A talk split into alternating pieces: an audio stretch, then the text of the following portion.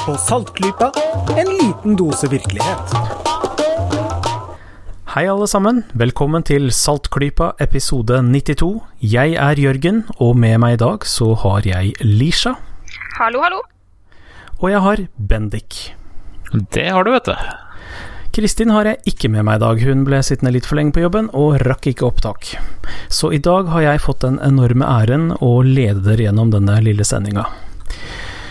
Vi skal starte med en strålende nyhet. Bendik, hva har vi i fore? Åh, strålende saker. Dette er et av mine favorittemaer, eh, mobilstråling.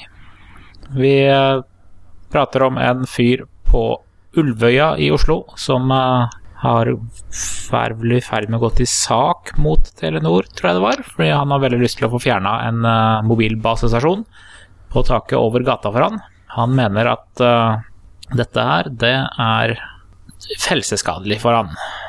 Sier at uh, antennen ikke er nødvendig, at den ikke behøver å stå så nærme huset hans, fordi han sier at andre operatører greier å gi mobildekning på Ulvøya hvor han bor, uten å ha antenner i nærmiljøet.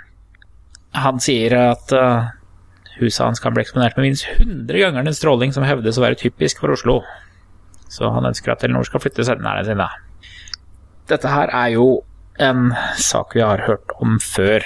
Eh, men dette her er litt spesielt, fordi dette er første gangen denne saken kommer for å bli tatt opp i retten.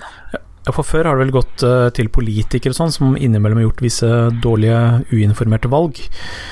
Um, Korrekt. Men nå går det til rettssalen.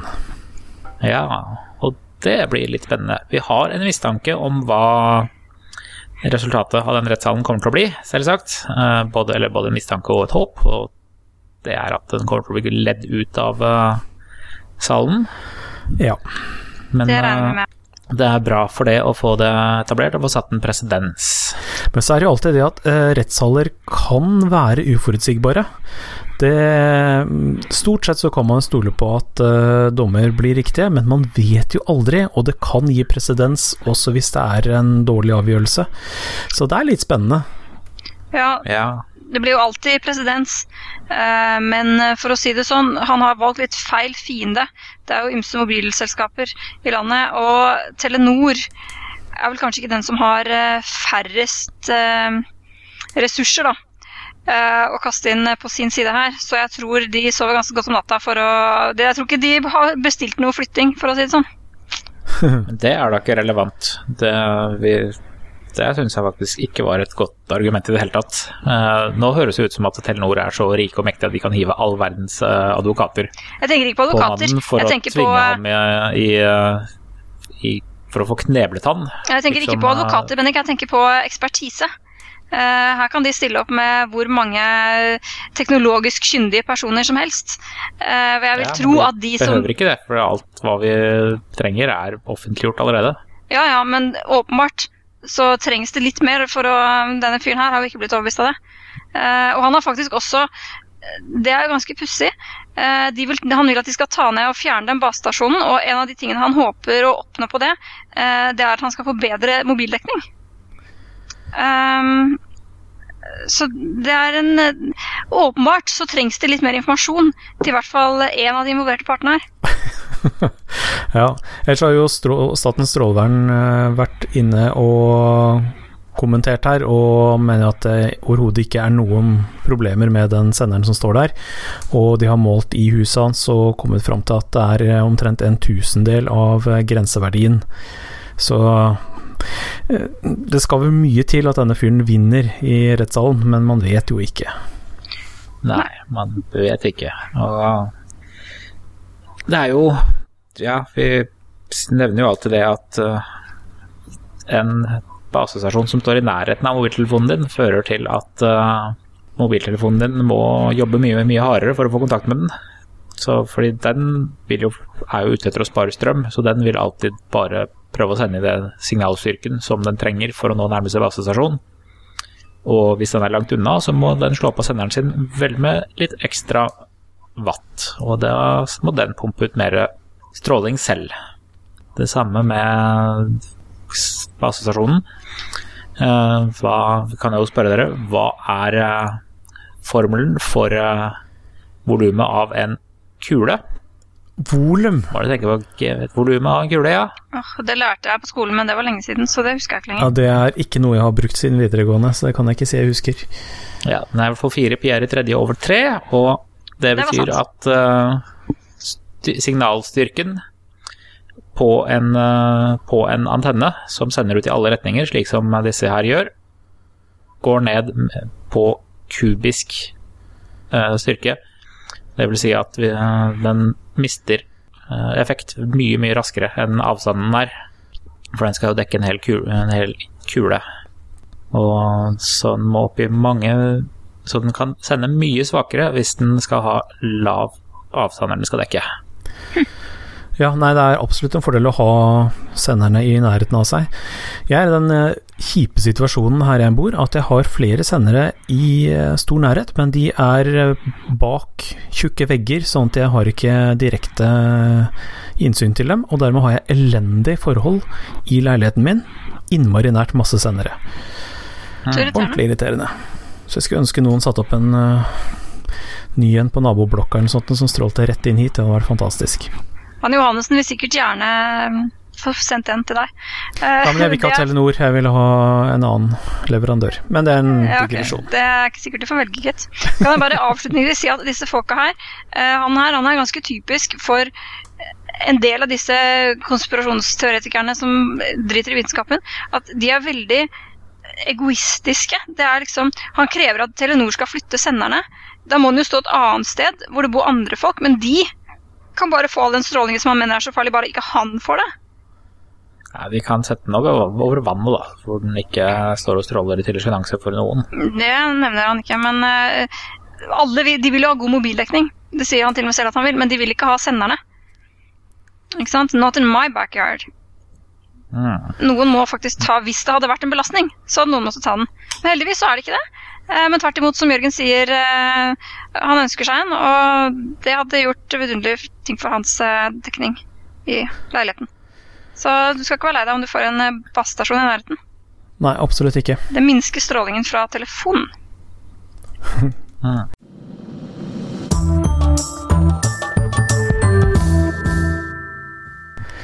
Men Lisha, har eh, du vært offer for folk som prøver å påtvinge deg eh, sine holdninger, eller er det andre som eh, sliter med seriøse vrangforestillinger som du slipper heldigvis å uh, rote med selv? Nei, heldigvis så har ikke jeg hatt dette problemet.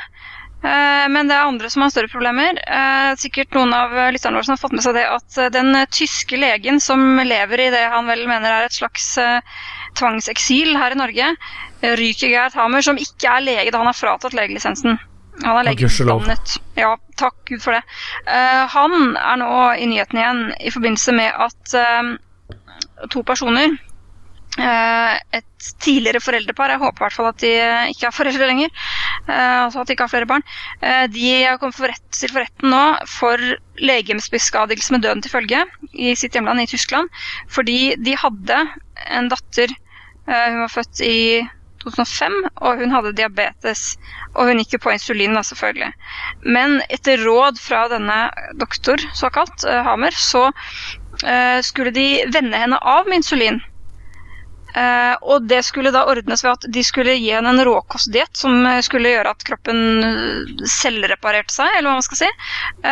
Og så trappet de da ned på insulinet, og til slutt sluttet å gi henne det. Og selvfølgelig så døde hun da. Fire år gammel bare. Og nå er de tiltalt for forsømmelse av barnet og for legemsbeskadigelse med døden til følge. Saken skal for retten nå i Hanover, tror jeg det er.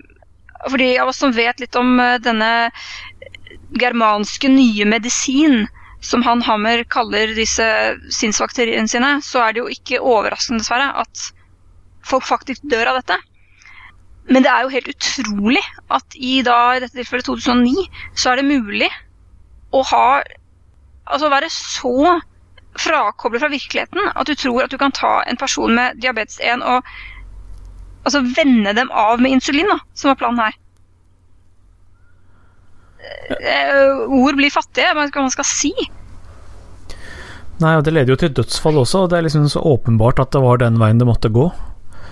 Men det var pussig. Det her leste jeg, denne artikkelen var eh, den jeg har sett der i Dagbladet, det var på mandag. Og på søndag så var jeg sammen med en venninne av meg som er diabetiker. Hun har diabetes 1. Og vi snakket om det. Hun har nettopp fått installert sånn diabetespumpe, slik at hun slipper å sette sprøyte på seg selv lenger. Uh, og vi snakket om det hva skjedde med sånne som henne tidligere, før insulin ble mulig å fremstille kunstig å injisere. Og som hun sa, nei, de døde jo. De døde jo alle sammen. Opp igjennom alle, hele vår arts historie så har jo disse folka bare dødd. Og de gjør faktisk det fortsatt. Du kan ikke gi dem råkost og vende dem av med det faktum at kroppen deres ikke produserer et livsviktig stoff. Uh, og akkurat når jeg leser den saken, så tenker jeg at det burde være lov å dømme folk ikke bare til fengsel, men også dømme dem til, til tvangssterilisering. Slik at ikke de kan bringe flere barn inn i verden og dette er jo noe genetisk greier, det kan jo være arvelig diabetes. Får de en til? Hva gjør de da? Disse her er jo totalt uskikket. Jeg har ikke funnet ut om de eh, har uh, noen flere barn. Men det får man da for guds skyld ikke håpe. Nei, det, uff, det er en forferdelig trist sak. Ja, det er helt forferdelig. Og tenk hva den jenta også må ha lidd. For hun ble jo dårligere og dårligere. Og til slutt så var hun så dårlig at de tilkalte ambulanse, da, for de skjønte at det gikk feil vei, men da var det for sent, og hun døde. Så eh, hun må jo ha hatt en forferdelig tid også den siste tiden hun levde. Nei, uh, man får jo bare håpe at disse foreldrene blir uh, fratatt muligheten til å fortsette å ha barn, hvis de fortsatt har noen. Uh, nei, det er, det er, bare en grusom sak.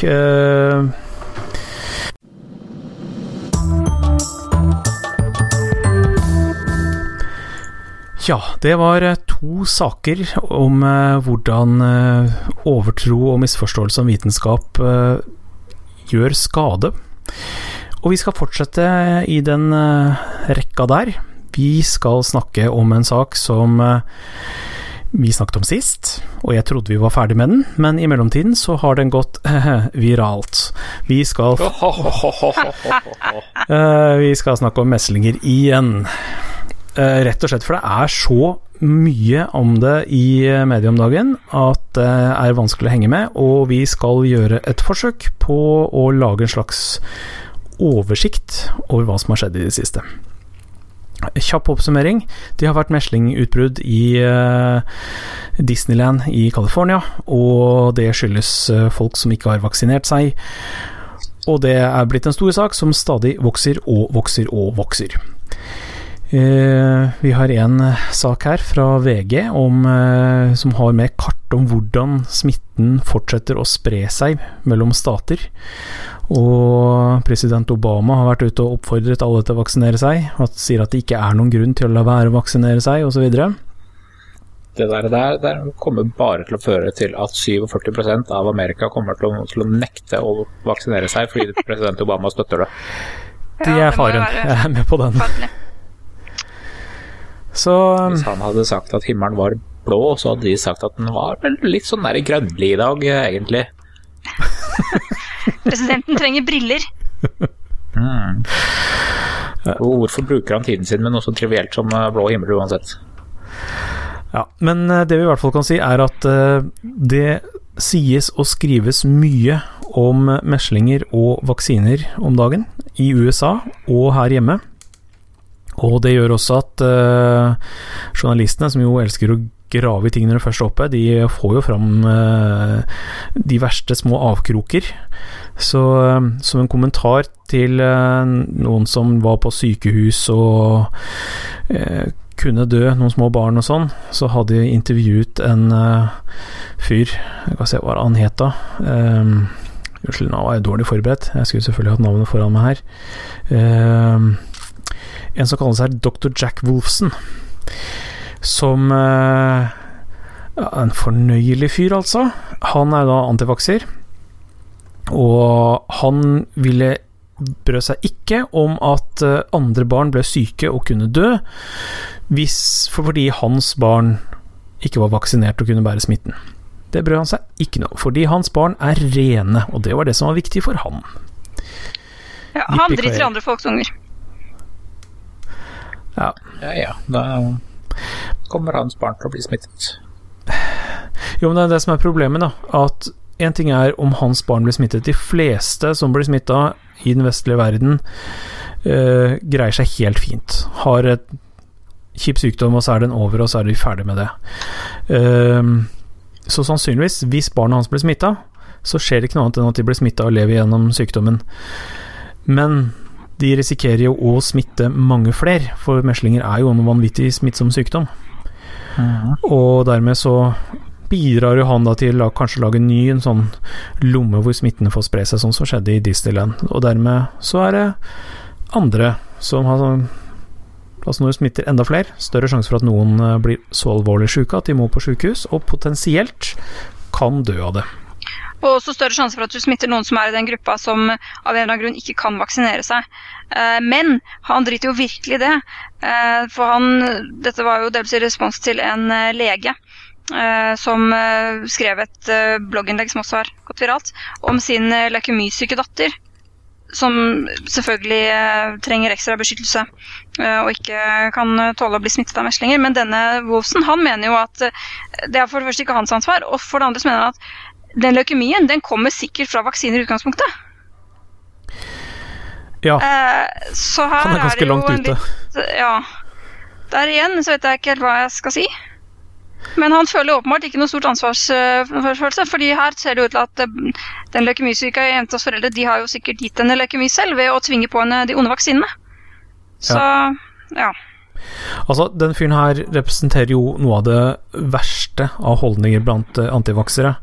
Men det som er typisk, er jo den ansvarsfraskrivelsen og egoismen som ligger i å ikke vaksinere barna sine. Um, det er klart, de fleste av disse tror jo at det er noe galt med å vaksinere. Det er jo derfor de ikke vil. Altså det er noe farlig eller et eller annet sånt nå. De er feilinformert, men øh, noen er jo bare også Nei, men jeg har valget mitt, jeg liker ikke vaksiner, så jeg velger å ikke vaksinere. Når det er på det nivået, så er det øh, ren egoisme. Uh, en annen som jo Altså, det er jo mange som går nå i media og sier at uh, man bør vaksinere seg, akkurat som Obama har gjort. Og så er det andre som er mer skeptiske, som er kjente og kan påvirke folk. En av dem er eh, komiker og TV-vert Bill Mayer, som jo har eh, mange ganger uttalt seg negativt om eh, influensavaksine. Og ellers påstår at han ikke er antivakser. Vi lenker til et eh, innslag på showene som det der. Jeg syns det var så vondt at det ikke gadd å se det ferdig, men eh, sånt er i hvert fall sånn som beveger seg i media også. Alle kommer til orde, på en måte. Ja, Det interessante der er jo å se det utrolige gruppetenkningen. fordi I det panelet så var det bare én konservativ person. Han har veldig mange left-wing liberals eh, på programmet sitt. Og når den ene konservative prøvde å si noe, det var vel ikke om vaksiner, det var vel om GMO, eh, så prøvde han å si at men det fins jo ikke egentlig vitenskapelig bevis for det du sier der.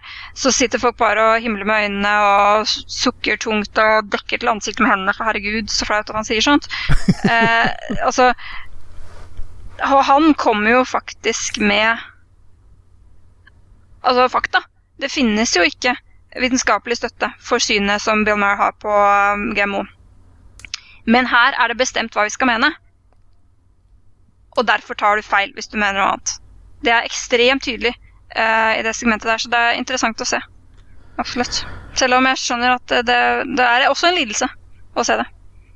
Uh, ja, jeg er imponert over at orke orka å se det. Men eh, det er jo veldig typisk da at det er sånne ekkokamre med folk med en bestemt mening som eh, ikke tåler å utsettes for eh, virkelige data, og da snakker de bare til hverandre og ender opp med å være skjønt enige seg imellom uten å være i kontakt med virkeligheten.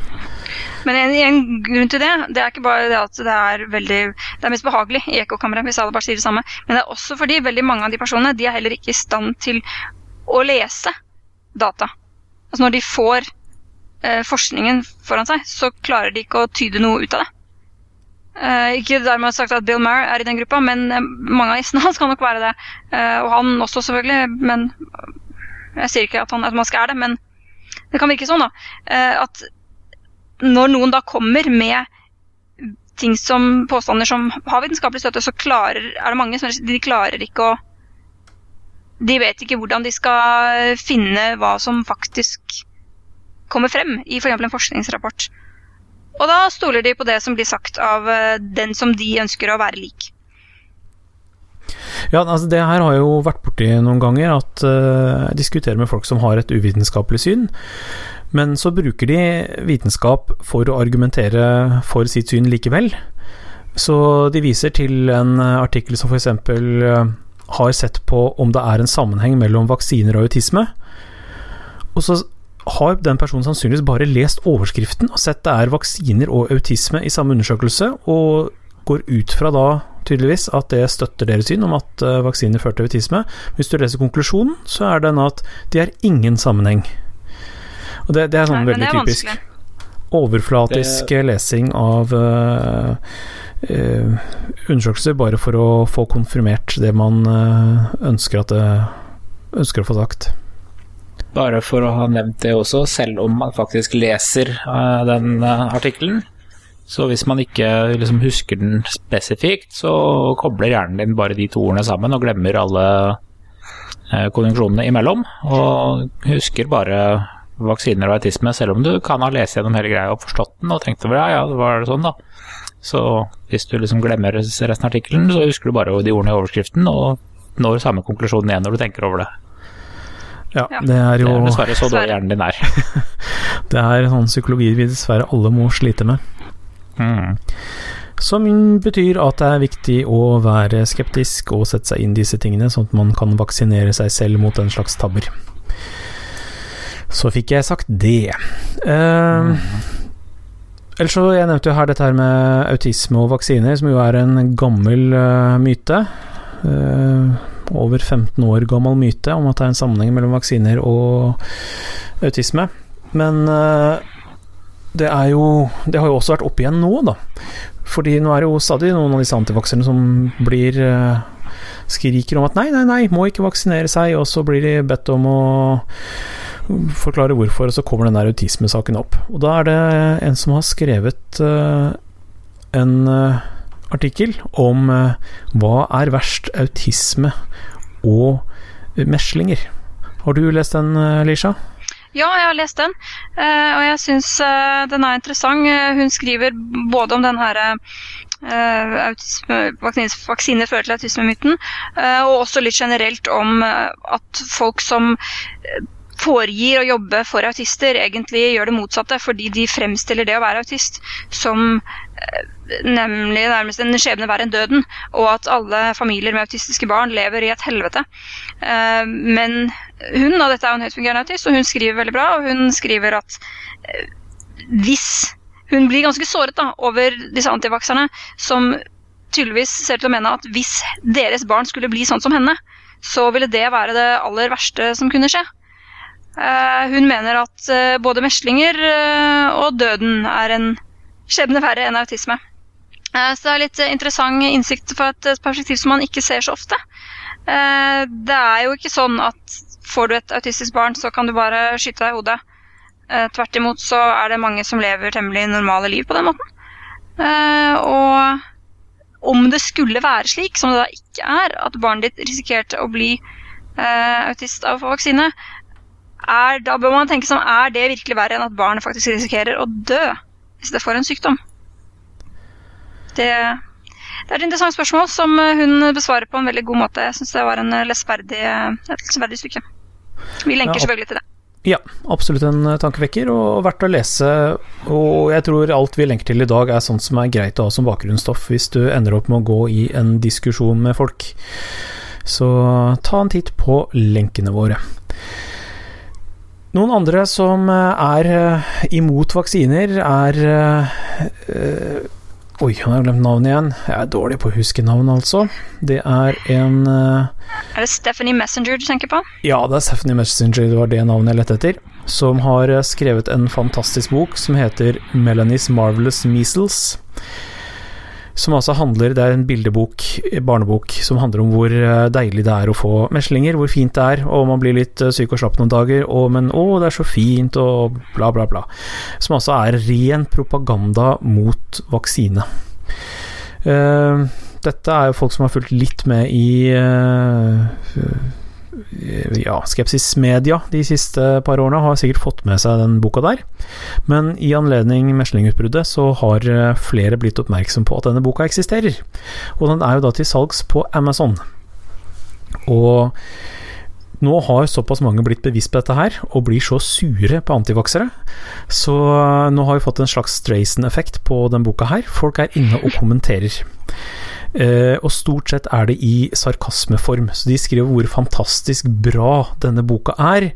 Uh, og tilsvarende titler de ønsker seg, som uh, uh, f.eks. Adelias Adult Alzheimer, Andy's Annie's Amazing Age. Awesome Asthma osv. Så, videre. så hvis du bare ønsker å slå i hjel litt tid og lese folk som er eh, sarkastiske, så ja, Jeg lenker til en uh, artikkel på The Word som presenterer saken, og så kan du gå videre til Amazon og lese alt sammen. Jeg tror det begynner å bli et par tusen kommentarer som stort sett de fleste går i samme duren. Ganske morsomt. Så har vi her hjemme Det er jo antivoksere her også. Og det er jo et internasjonalt fenomen. Og en av dem som har skrevet en innmari god artikkel som kom på trykk i dag når vi spiller inn, det er av Didrik Søderlind, som burde være en kjent person for de fleste av våre lyttere, som har skrevet en uh, veldig god kronikk om uh, hva som foregår nå. Er det noen som har lyst til å uttale seg om denne? Ja, den er bare Alle må lese den. Den er fantastisk. Den tar alt på kornet, rett og slett. Ja. Den er alt som jeg gjerne ville si. Virkelig. Ja, eh, Didrik nevner først eh, historikken eh, til eh, bevegelsen her, om eh, hvordan Andrew Wakefield fikk noe Svada publisert i The Lancet, en veldig anerkjent medisinsk journal, og så ble det trukket tilbake, og så mistet han legelisensen, og så ble, fant de ut at eh, han hadde personlige eh, grunner til å komme med denne, og han hadde jukset og alt mulig rart. Ja, så nevner han jo det at det skjedde slik som eh, de ville. Vi, de som var vaksinemotstandere, har fått nok folk på sin side til at vi har mistet flokkimmuniteten, og til at eh, en sykdom som offisielt var utryddet i eh, Amerika i 1990, tror jeg, nå er tilbake. Den uh, tok ikke lang tid. Sånn er det når vi har utrydda en sykdom, så er den ikke sånn permanent borte. Den det ligger bare og venter på noen uh, uvaksinerte personer som den kan uh, slå, slå, rot i. Det er ikke som, som ville dyr, hvor vi dreper det siste, siste, eksemplaret og setter det på museum og er fornøyde med det. Her, her dukker de opp igjen straks, straks de kan. Vi lever i en global verden, og det er andre steder i verden så er det jo dessverre mer enn nok av uh, meslingsmitte. Så stadig vekk så kommer det jo tilbake, hvis ikke man er godt immunisert. Ja, når vi kan reise så lett frem og tilbake over hele verden som uh, vi kan i dag, så er det jo veldig lite Eller områdene blir så mye mer spredt og store. Sånn at uh, f.eks. et av de stedene som meslingsmitten hadde spredt seg til fra California, var Washington DC, helt på andre siden av kartet. Det er jo ganske godt flyttet av et lite, en liten mikrobe. Den trenger, trenger ikke engang å være på samme kontinent. Eh, for et sted det har vært eh, et utbrudd, eh, relativt betydelig utbrudd, er i Ohio. I et samfunn med amish-folk. Eh, fordi en av disse amishene, og de er jo tradisjonelt veldig antivaksiner, eh, fordi det er jo det 20. århundrets oppfinnelser osv. Men eh, en av disse da, han hadde vært i Afrika som misjonær, og der hadde han blitt smittet. Og når han kom tilbake, så seinte jo folk om som fluer, selvfølgelig. For der var det jo ingen, nesten ingen, som var vaksinert. Men i det fylket, da, hvor det var lav vaksinedekning pga. Uh, disse Amish-folka, så har faktisk vaksinedekningen nå steget betydelig. For nå vil mange av dem vaksinere barna sine. For nå ser de det. Det er, de har jo vært beskytta av at de si, nå skulle jeg til å si etniske amerikanere, men det er det selvsagt ikke, men mainstream-amerikanere da, rundt dem har jo vært vaksinerte i stor grad. Derfor så har det ikke vært noe smitte som har trengt gjennom til dem. Men nå kom denne fyren fra Afrika og hadde det med seg inn i hjertet av deres uh, samfunn. Og da slo det til, og nå ser de at dette er faktisk farlig. Og nå vaksinerer de barna sine i veldig mye større grad. Heldigvis. Vi har kunnet være late av at vi ikke, i hvert fall den siste generasjonen, har opplevd f.eks. meslinger, og at uh, så den bare forsvinner ut av manns minne veldig lett. Ja, dette var jo det vi snakket om forrige gang, at en grunn til at folk tar så lett på det, er at vi i våre dager, vi har ikke sett på dette her. Altså, Vi har ikke opplevd det, så vi tenker bare en sykdom, hva er det? Det er liksom Du blir forkjøla og snufser litt, det er det vi tenker på sykdom. Men vi vet ikke. F.eks. polio er jo ingen som kommer til å være redd for polio i våre dager. Men på 50-tallet så var det den store skrekken for alle foreldre. Eh, men nå ser vi det ikke. Den gangen så så de det, at folk døde, folk ble lamme, folk ble døve, folk fikk alle mulige virkninger. De så det, og derfor var de redde. Men nå ser vi det ikke lenger. Så nå har vi sluttet å være redde. Men kommer det tilbake, så skal vi nok se at det var en grunn til at folk var så redde for det. Og jeg kan love at uh, hvis vi slutter å vaksinere mot polio i dag, vi gjør jo det, så kommer den tilbake sånn på få år. Ja, det skal ikke ta lang tid. Det vil også være sant 200 år inn i fremtiden. Uh, at hvis de slutter å vaksinere mot den, så kommer den til å komme tilbake. Dessverre, ja. Men tilbake til meslinger. Uh, et av hovedpoengene til Uh, Bendik Nei, Bendik Unnskyld, jeg var ikke deg jeg snakket om, Bendik. Jeg er veldig smigret, men, uh, og, og, jeg blir for så vidt veldig ofte forvekslet med Didrik Søderlind. Ja, det er korrekt. men han har et poeng med at dette utbruddet i Disneyland har en sånn veldig sterk symbolvirkning, for det har skjedd i Disneyland, som kalles The Happiest Place on Earth. Så det er veldig symboltungt. at liksom nærmest pesten sprer seg derfra. Veldig synlig, og det slår hardt tilbake nå. Så uh, antivakserne får ikke hvile, de blir jo konfrontert overalt. Symbolikken er faktisk uh, veldig passende kraftig her. Ja. Uh, så Didrik mener jo at dette kanskje er slutten for antivaksbevegelsen. På sikt. Det vil alltids være dem som står hardnakket på sin uvitenskapelige tro når det gjelder dette her, men eh, de vil ikke få fred, og de vil i liten grad få med seg nye folk. Og, og, kanskje det aller best, eller mest passende med at det skjedde i Disneyland, er jo at nå hadde jo endelig en, en sykdom som, ble, som påvirket rike, hvite folk. Ja. Ikke bare ebola, som vi glemte, forresten helt apropos. Det, de av dere som hørte forrige episode. Eh, det var jo bare I løpet av 2014 så var det jo ebola, ebola, ebola, ebola, ebola og ebola overalt i en kort periode. Og så nevnte vi jo eh, hvilke, hvilke saker er det vi er veldig opptatt av nå, som kommer til å være totalt glemt uh, i neste vinter, vinteren 2015. Og så glemte jo vi også å prate om å nevne ebola der, så virkelig indikativt på at den forsvant fort ut igjen straks uh, vi innså at den ikke kom til å påvirke hvite folk. Ja, litt pinlig og to the point.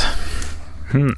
Og, men samme her, meslingene traff endelig overklasse og rike folk som er, som er liksom den perfekte demografien uh, for å treffe her. ja. Men uansett, vi anbefaler sterkt uh, Didriks kronikk i VG, og VG har jo fra før av gått ut på lederplass og uh, mener at vaksinemotstand er fæle greier, og vil at folk skal vaksinere seg. Så vi støtter VG i dette. Veldig bra. Ellers så har jeg fått kjent litt på kroppen hvordan denne stemningen har forandra seg. Jeg har endt opp med å involvere meg litt i, på Facebook i diskusjoner. Det er en bekjent av meg som uh, har med ujevne mellomrom posta noe antivaksinasjonsting på Facebook. Og av og til så er jeg inne og bare slenger inn noen bemerkninger og sier dette er tull og lenker til en eller annen undersøkelse eller noe sånt nå, men nå ble jeg så sur, så jeg begynte å, å argumentere litt kraftigere. Det var to ting hun hadde lagt ut, da. Og til min overraskelse, altså vanligvis når jeg har gjort dette her, så har det har vært et par av hennes venner som har vært inne og argumentert mot meg igjen. som regel da på svært sviktende grunnlag, men dog. Og så er det en del som helt anonymt bare har vært og klikka 'liker' på posten min, men de har ikke skrevet noe. Det er veldig typisk for de antivax-diskusjonene jeg har vært oppe i tidligere. Men nå så er det stadig flere som er inne og sier 'dø, nå får du gi deg', dette er farlig'. Du ønsker og noe som vil gjøre at mange blir skadet mer, osv., osv. Folk engasjerer seg. Det er eh, i hvert fall det jeg har opplevd, det er selvfølgelig anekdotisk, men det virker virkelig som det er eh, et stemningsskifte hvor folk virkelig går inn i de diskusjonene på en helt annen måte enn de har gjort før. Så dette her ser ikke så gærent ut, altså. Jeg liker hva jeg ser. Ja, vi Det er håper det. At dette varer, og at dette er et eh, stemningsskifte. Vi håper det, og jeg tror som sagt at det handler om at folk faktisk ser hvor farlig det er. Eh, og det er noe helt annet enn å bare høre om det. Eh, for, for oss som da ikke har opplevd disse virkelig farlige epidemiene, så er det lett å bare tenke at det overdrives, det var ikke så ille. Men nå ser man at så ille var det faktisk. Ja, jeg kan ta litt av det jeg har vært i krangel om, da, for jeg har jo fått en del eh, argumenter slengt i fleisen som jeg har måttet uh, ta for meg. Um, og en av påstandene er at det er jo ingen som dør av vaksiner nå. Her i Vesten hvor vi har god hygiene og alt mulig sånn, så er det ingen som dør av den. Rent bortsett fra noen med annen underliggende sykdom. Vaksiner eller dør av meslinger, sa du? Uh, unnskyld, meslinger. Takk. Ja, unnskyld hvis jeg sa feil. Det var masse meslinger. Det er ingen som dør av meslinger eh, nå om dagen. Men det er så Det er, heller, det er heller ingen som dør av vaksinen. Nei, men det, det er jo påstanden, da. At det er eh, Det er stadig noen som kommer uten en kildehenvisning og sier at ingen dør av meslinger, men se, her er 187 personer som har dødd av vaksinen. Og så er det da som sagt ingen uh, kildehenvisning. Så eh, det er sånn man får høre. Men det er på en måte riktig at det er få som, veldig få, som dør av meslinger nå. Men det er noen, eh, og det er de som har en underlikende sykdom. Eh, og det er vanskeligste over. Liksom sånn Nei, nei, nei, ja, men det er bare de som har en annen sykdom. Dem, dem blåser vi. Så det at man kan uh, unngå en sykdom som noen vil dø av, det, det, er ikke så farlig, tydeligvis, så lenge de som dør er eh, folk som er svake. Akkurat det gjør meg så forbanna, men det er nå så. Uh, men så er det en annen ting som også irriterer meg, at de fokuserer så innmari på hvor mange som dør. Ja, i dag hvor det er så få som får meslinger og blir alvorlig syke, så redder vi livet på nesten alle. Men det er svært mange som blir så syke at de må på sykehus. Uh, en tilfeldig statistikk jeg var innom, uh, viste at i USA så var det 40% av de som ble syke i 2010 eller 2011, tror jeg, uh, måtte inn på sykehus. Så det er alvorlig. Og det ble underkommunisert, for det støtter jo ikke antivaksernes holdninger, at man blir så sjuk. De ser bare på dødstallene, som da blir litt feil. Og jeg vil nevne en ting også, når man prater om sånn Se på, her er en liste med disse personene her som tok vaksine og så døde. Uh, hvis du noen gang har lest en bivirkningslisten på et hvilket som helst legemiddel, ta hva som helst, så, så er det jo alltid lange som et vondt år. De lister jo alt ifra Uansett hvilket legemiddel det er, så lister de jo alt fra hodepine til død. Gjerne innom syfilis og uh, tarmslyng. uh, men dette er jo fordi det er veldig vanskelig å måle sånne ting som dette her. Og hvis ikke det liksom hadde vært så åpenbart de, de, sjekker liksom alt. Hvis noen De er nesten på det punktet at hvis noen får en vaksine og så blir påkjørt av en bil dagen etter og dør av det, så lister de opp at bieffekt av det er trafikkskader. Ja. Det, det er omtrent på det nivået der, på hvor grundig eller hvor nøyaktig de teller opp dette her, og hvor eller hvor altomfattende de tar det der. I den diskusjonen jeg var, så var det, var det som konklusjonen min også, at det var de dødstallene for vaksiner. Det måtte være noe sånt at det var oppsummert uh, alle de verste tilfellene, altså eh, mulige bivirkninger av vaksine. Og der samles jo opp absolutt alt. Det som er interessant, er hvor mange som man i ettertid konkret kan knytte til vaksinen når man går over det. Uh, men det er Og da er det sannsynligvis ingen. Uh, men det vet jeg jo ikke sikkert, da. Men det er det som er så dumt med disse her påstandene. De kommer jo uten kildehenvisninger, og så er det liksom bare 187 døde av vaksinen, og ingen døde av meslingene. Uh, som jo er en grov fordreining av virkeligheten. Eh, I USA så er det en database, jeg husker ikke hva den heter, men myndighetene fører en database over Ja, nå er det vel ikke det er vel den HPV-vaksinen som jeg har lest det i forbindelse med. Og der har de da fulgt opp sant, en veldig stor gruppe av de som har fått det. Og så seks, sen, seks, måneder senere, da, hvordan går det med disse? Hvor mange er fortsatt i live? Og da er det en viss andel av de som har fått vaksinen, er jo da døde i de seks månedene etterpå. Man, og da virker det forferdelig. Herregud, så så mange, ikke sant, 100 000 fikk vaksinen og 12 er døde. Men når man ser på de dødsfallene, så skyldes jo de faktisk da trafikkulykker og den type ting. Det er ingen som er døde som faktisk er en bivirkning. Nemlig. Hvis man ser på det som ligger bak tallene.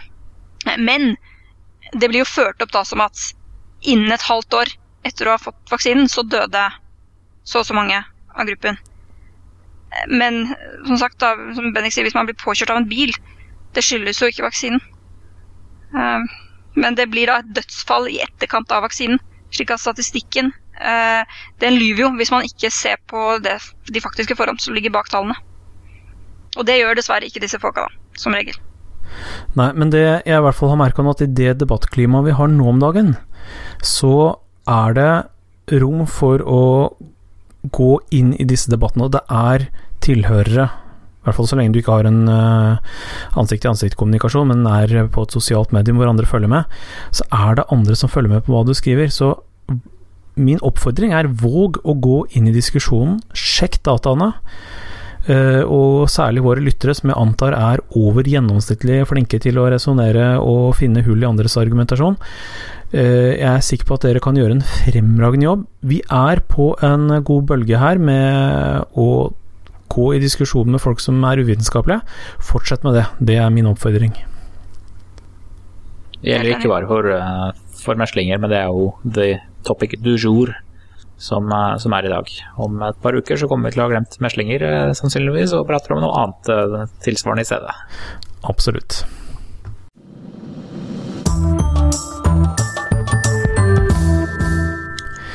Jeg har prata med hes, jeg, folkens. Skal vi si at dette var en fin sending, og la det bli med det?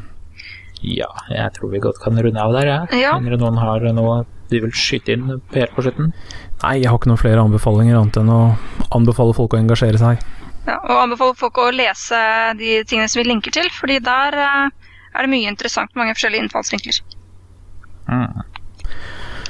Ja, og hvor kan man finne oss? Vi, dere kan finne oss på saltklypa.no. Dere finner oss på Facebook, dere finner oss på Twitter. Vi har en G pluss-konto som vi av og til husker å bruke. Eh, Gjør vi? Eh, ja, det har skjedd. Jeg tror det er Kristin som eh, av og til poster noe der. Gudene veit. Eh, det er mulig å nå oss. Eh, vi hører på lytterne våre når de kommer med spørsmål og innspill. Så uh, fortsett med det, folkens. Dere få som gjør det. Jeg vil si, alle sammen, gjør det. Har dere noe dere lurer på, har dere noe dere vil vi skal ta opp, vær så god, post det til oss. Ja. Og med det tror jeg vi sier takk for denne gang. Ha det bra. Ha det bra, alle sammen. Ha det. Saltklypa lages av Kristin Lisha, Jørgen og Bendik. Har du spørsmål, anbefalinger, ris eller ros, send det til post at saltklypa.no, eller finn oss på Facebook. Lenker til alt vi har snakket om i episoden finner du på saltklypa.no, hvor du også kan abonnere på podkasten for å få hver episode levert på døra helt gratis. Takk til Smart 9000 fra Evig poesi, som har laget kjenningsmelodien vår. Og sånn eh, helt på tampen så vil jeg gjerne takke Tor Øynes for eh, hjelp med det tekniske i denne episoden, og fremtidige episoder. Tidligere episoder har vært litt varierende teknisk kvalitet på. Det skylder jeg helt på at jeg egentlig ikke veit hva jeg holder på med når det kommer til å redigere lyd, men uh, Tor har gitt meg noen gode tips og litt fin informasjon, så forhåpentligvis så blir det en mye bedre teknisk kvalitet på denne og fremtidige episoder. Takk igjen, Tor.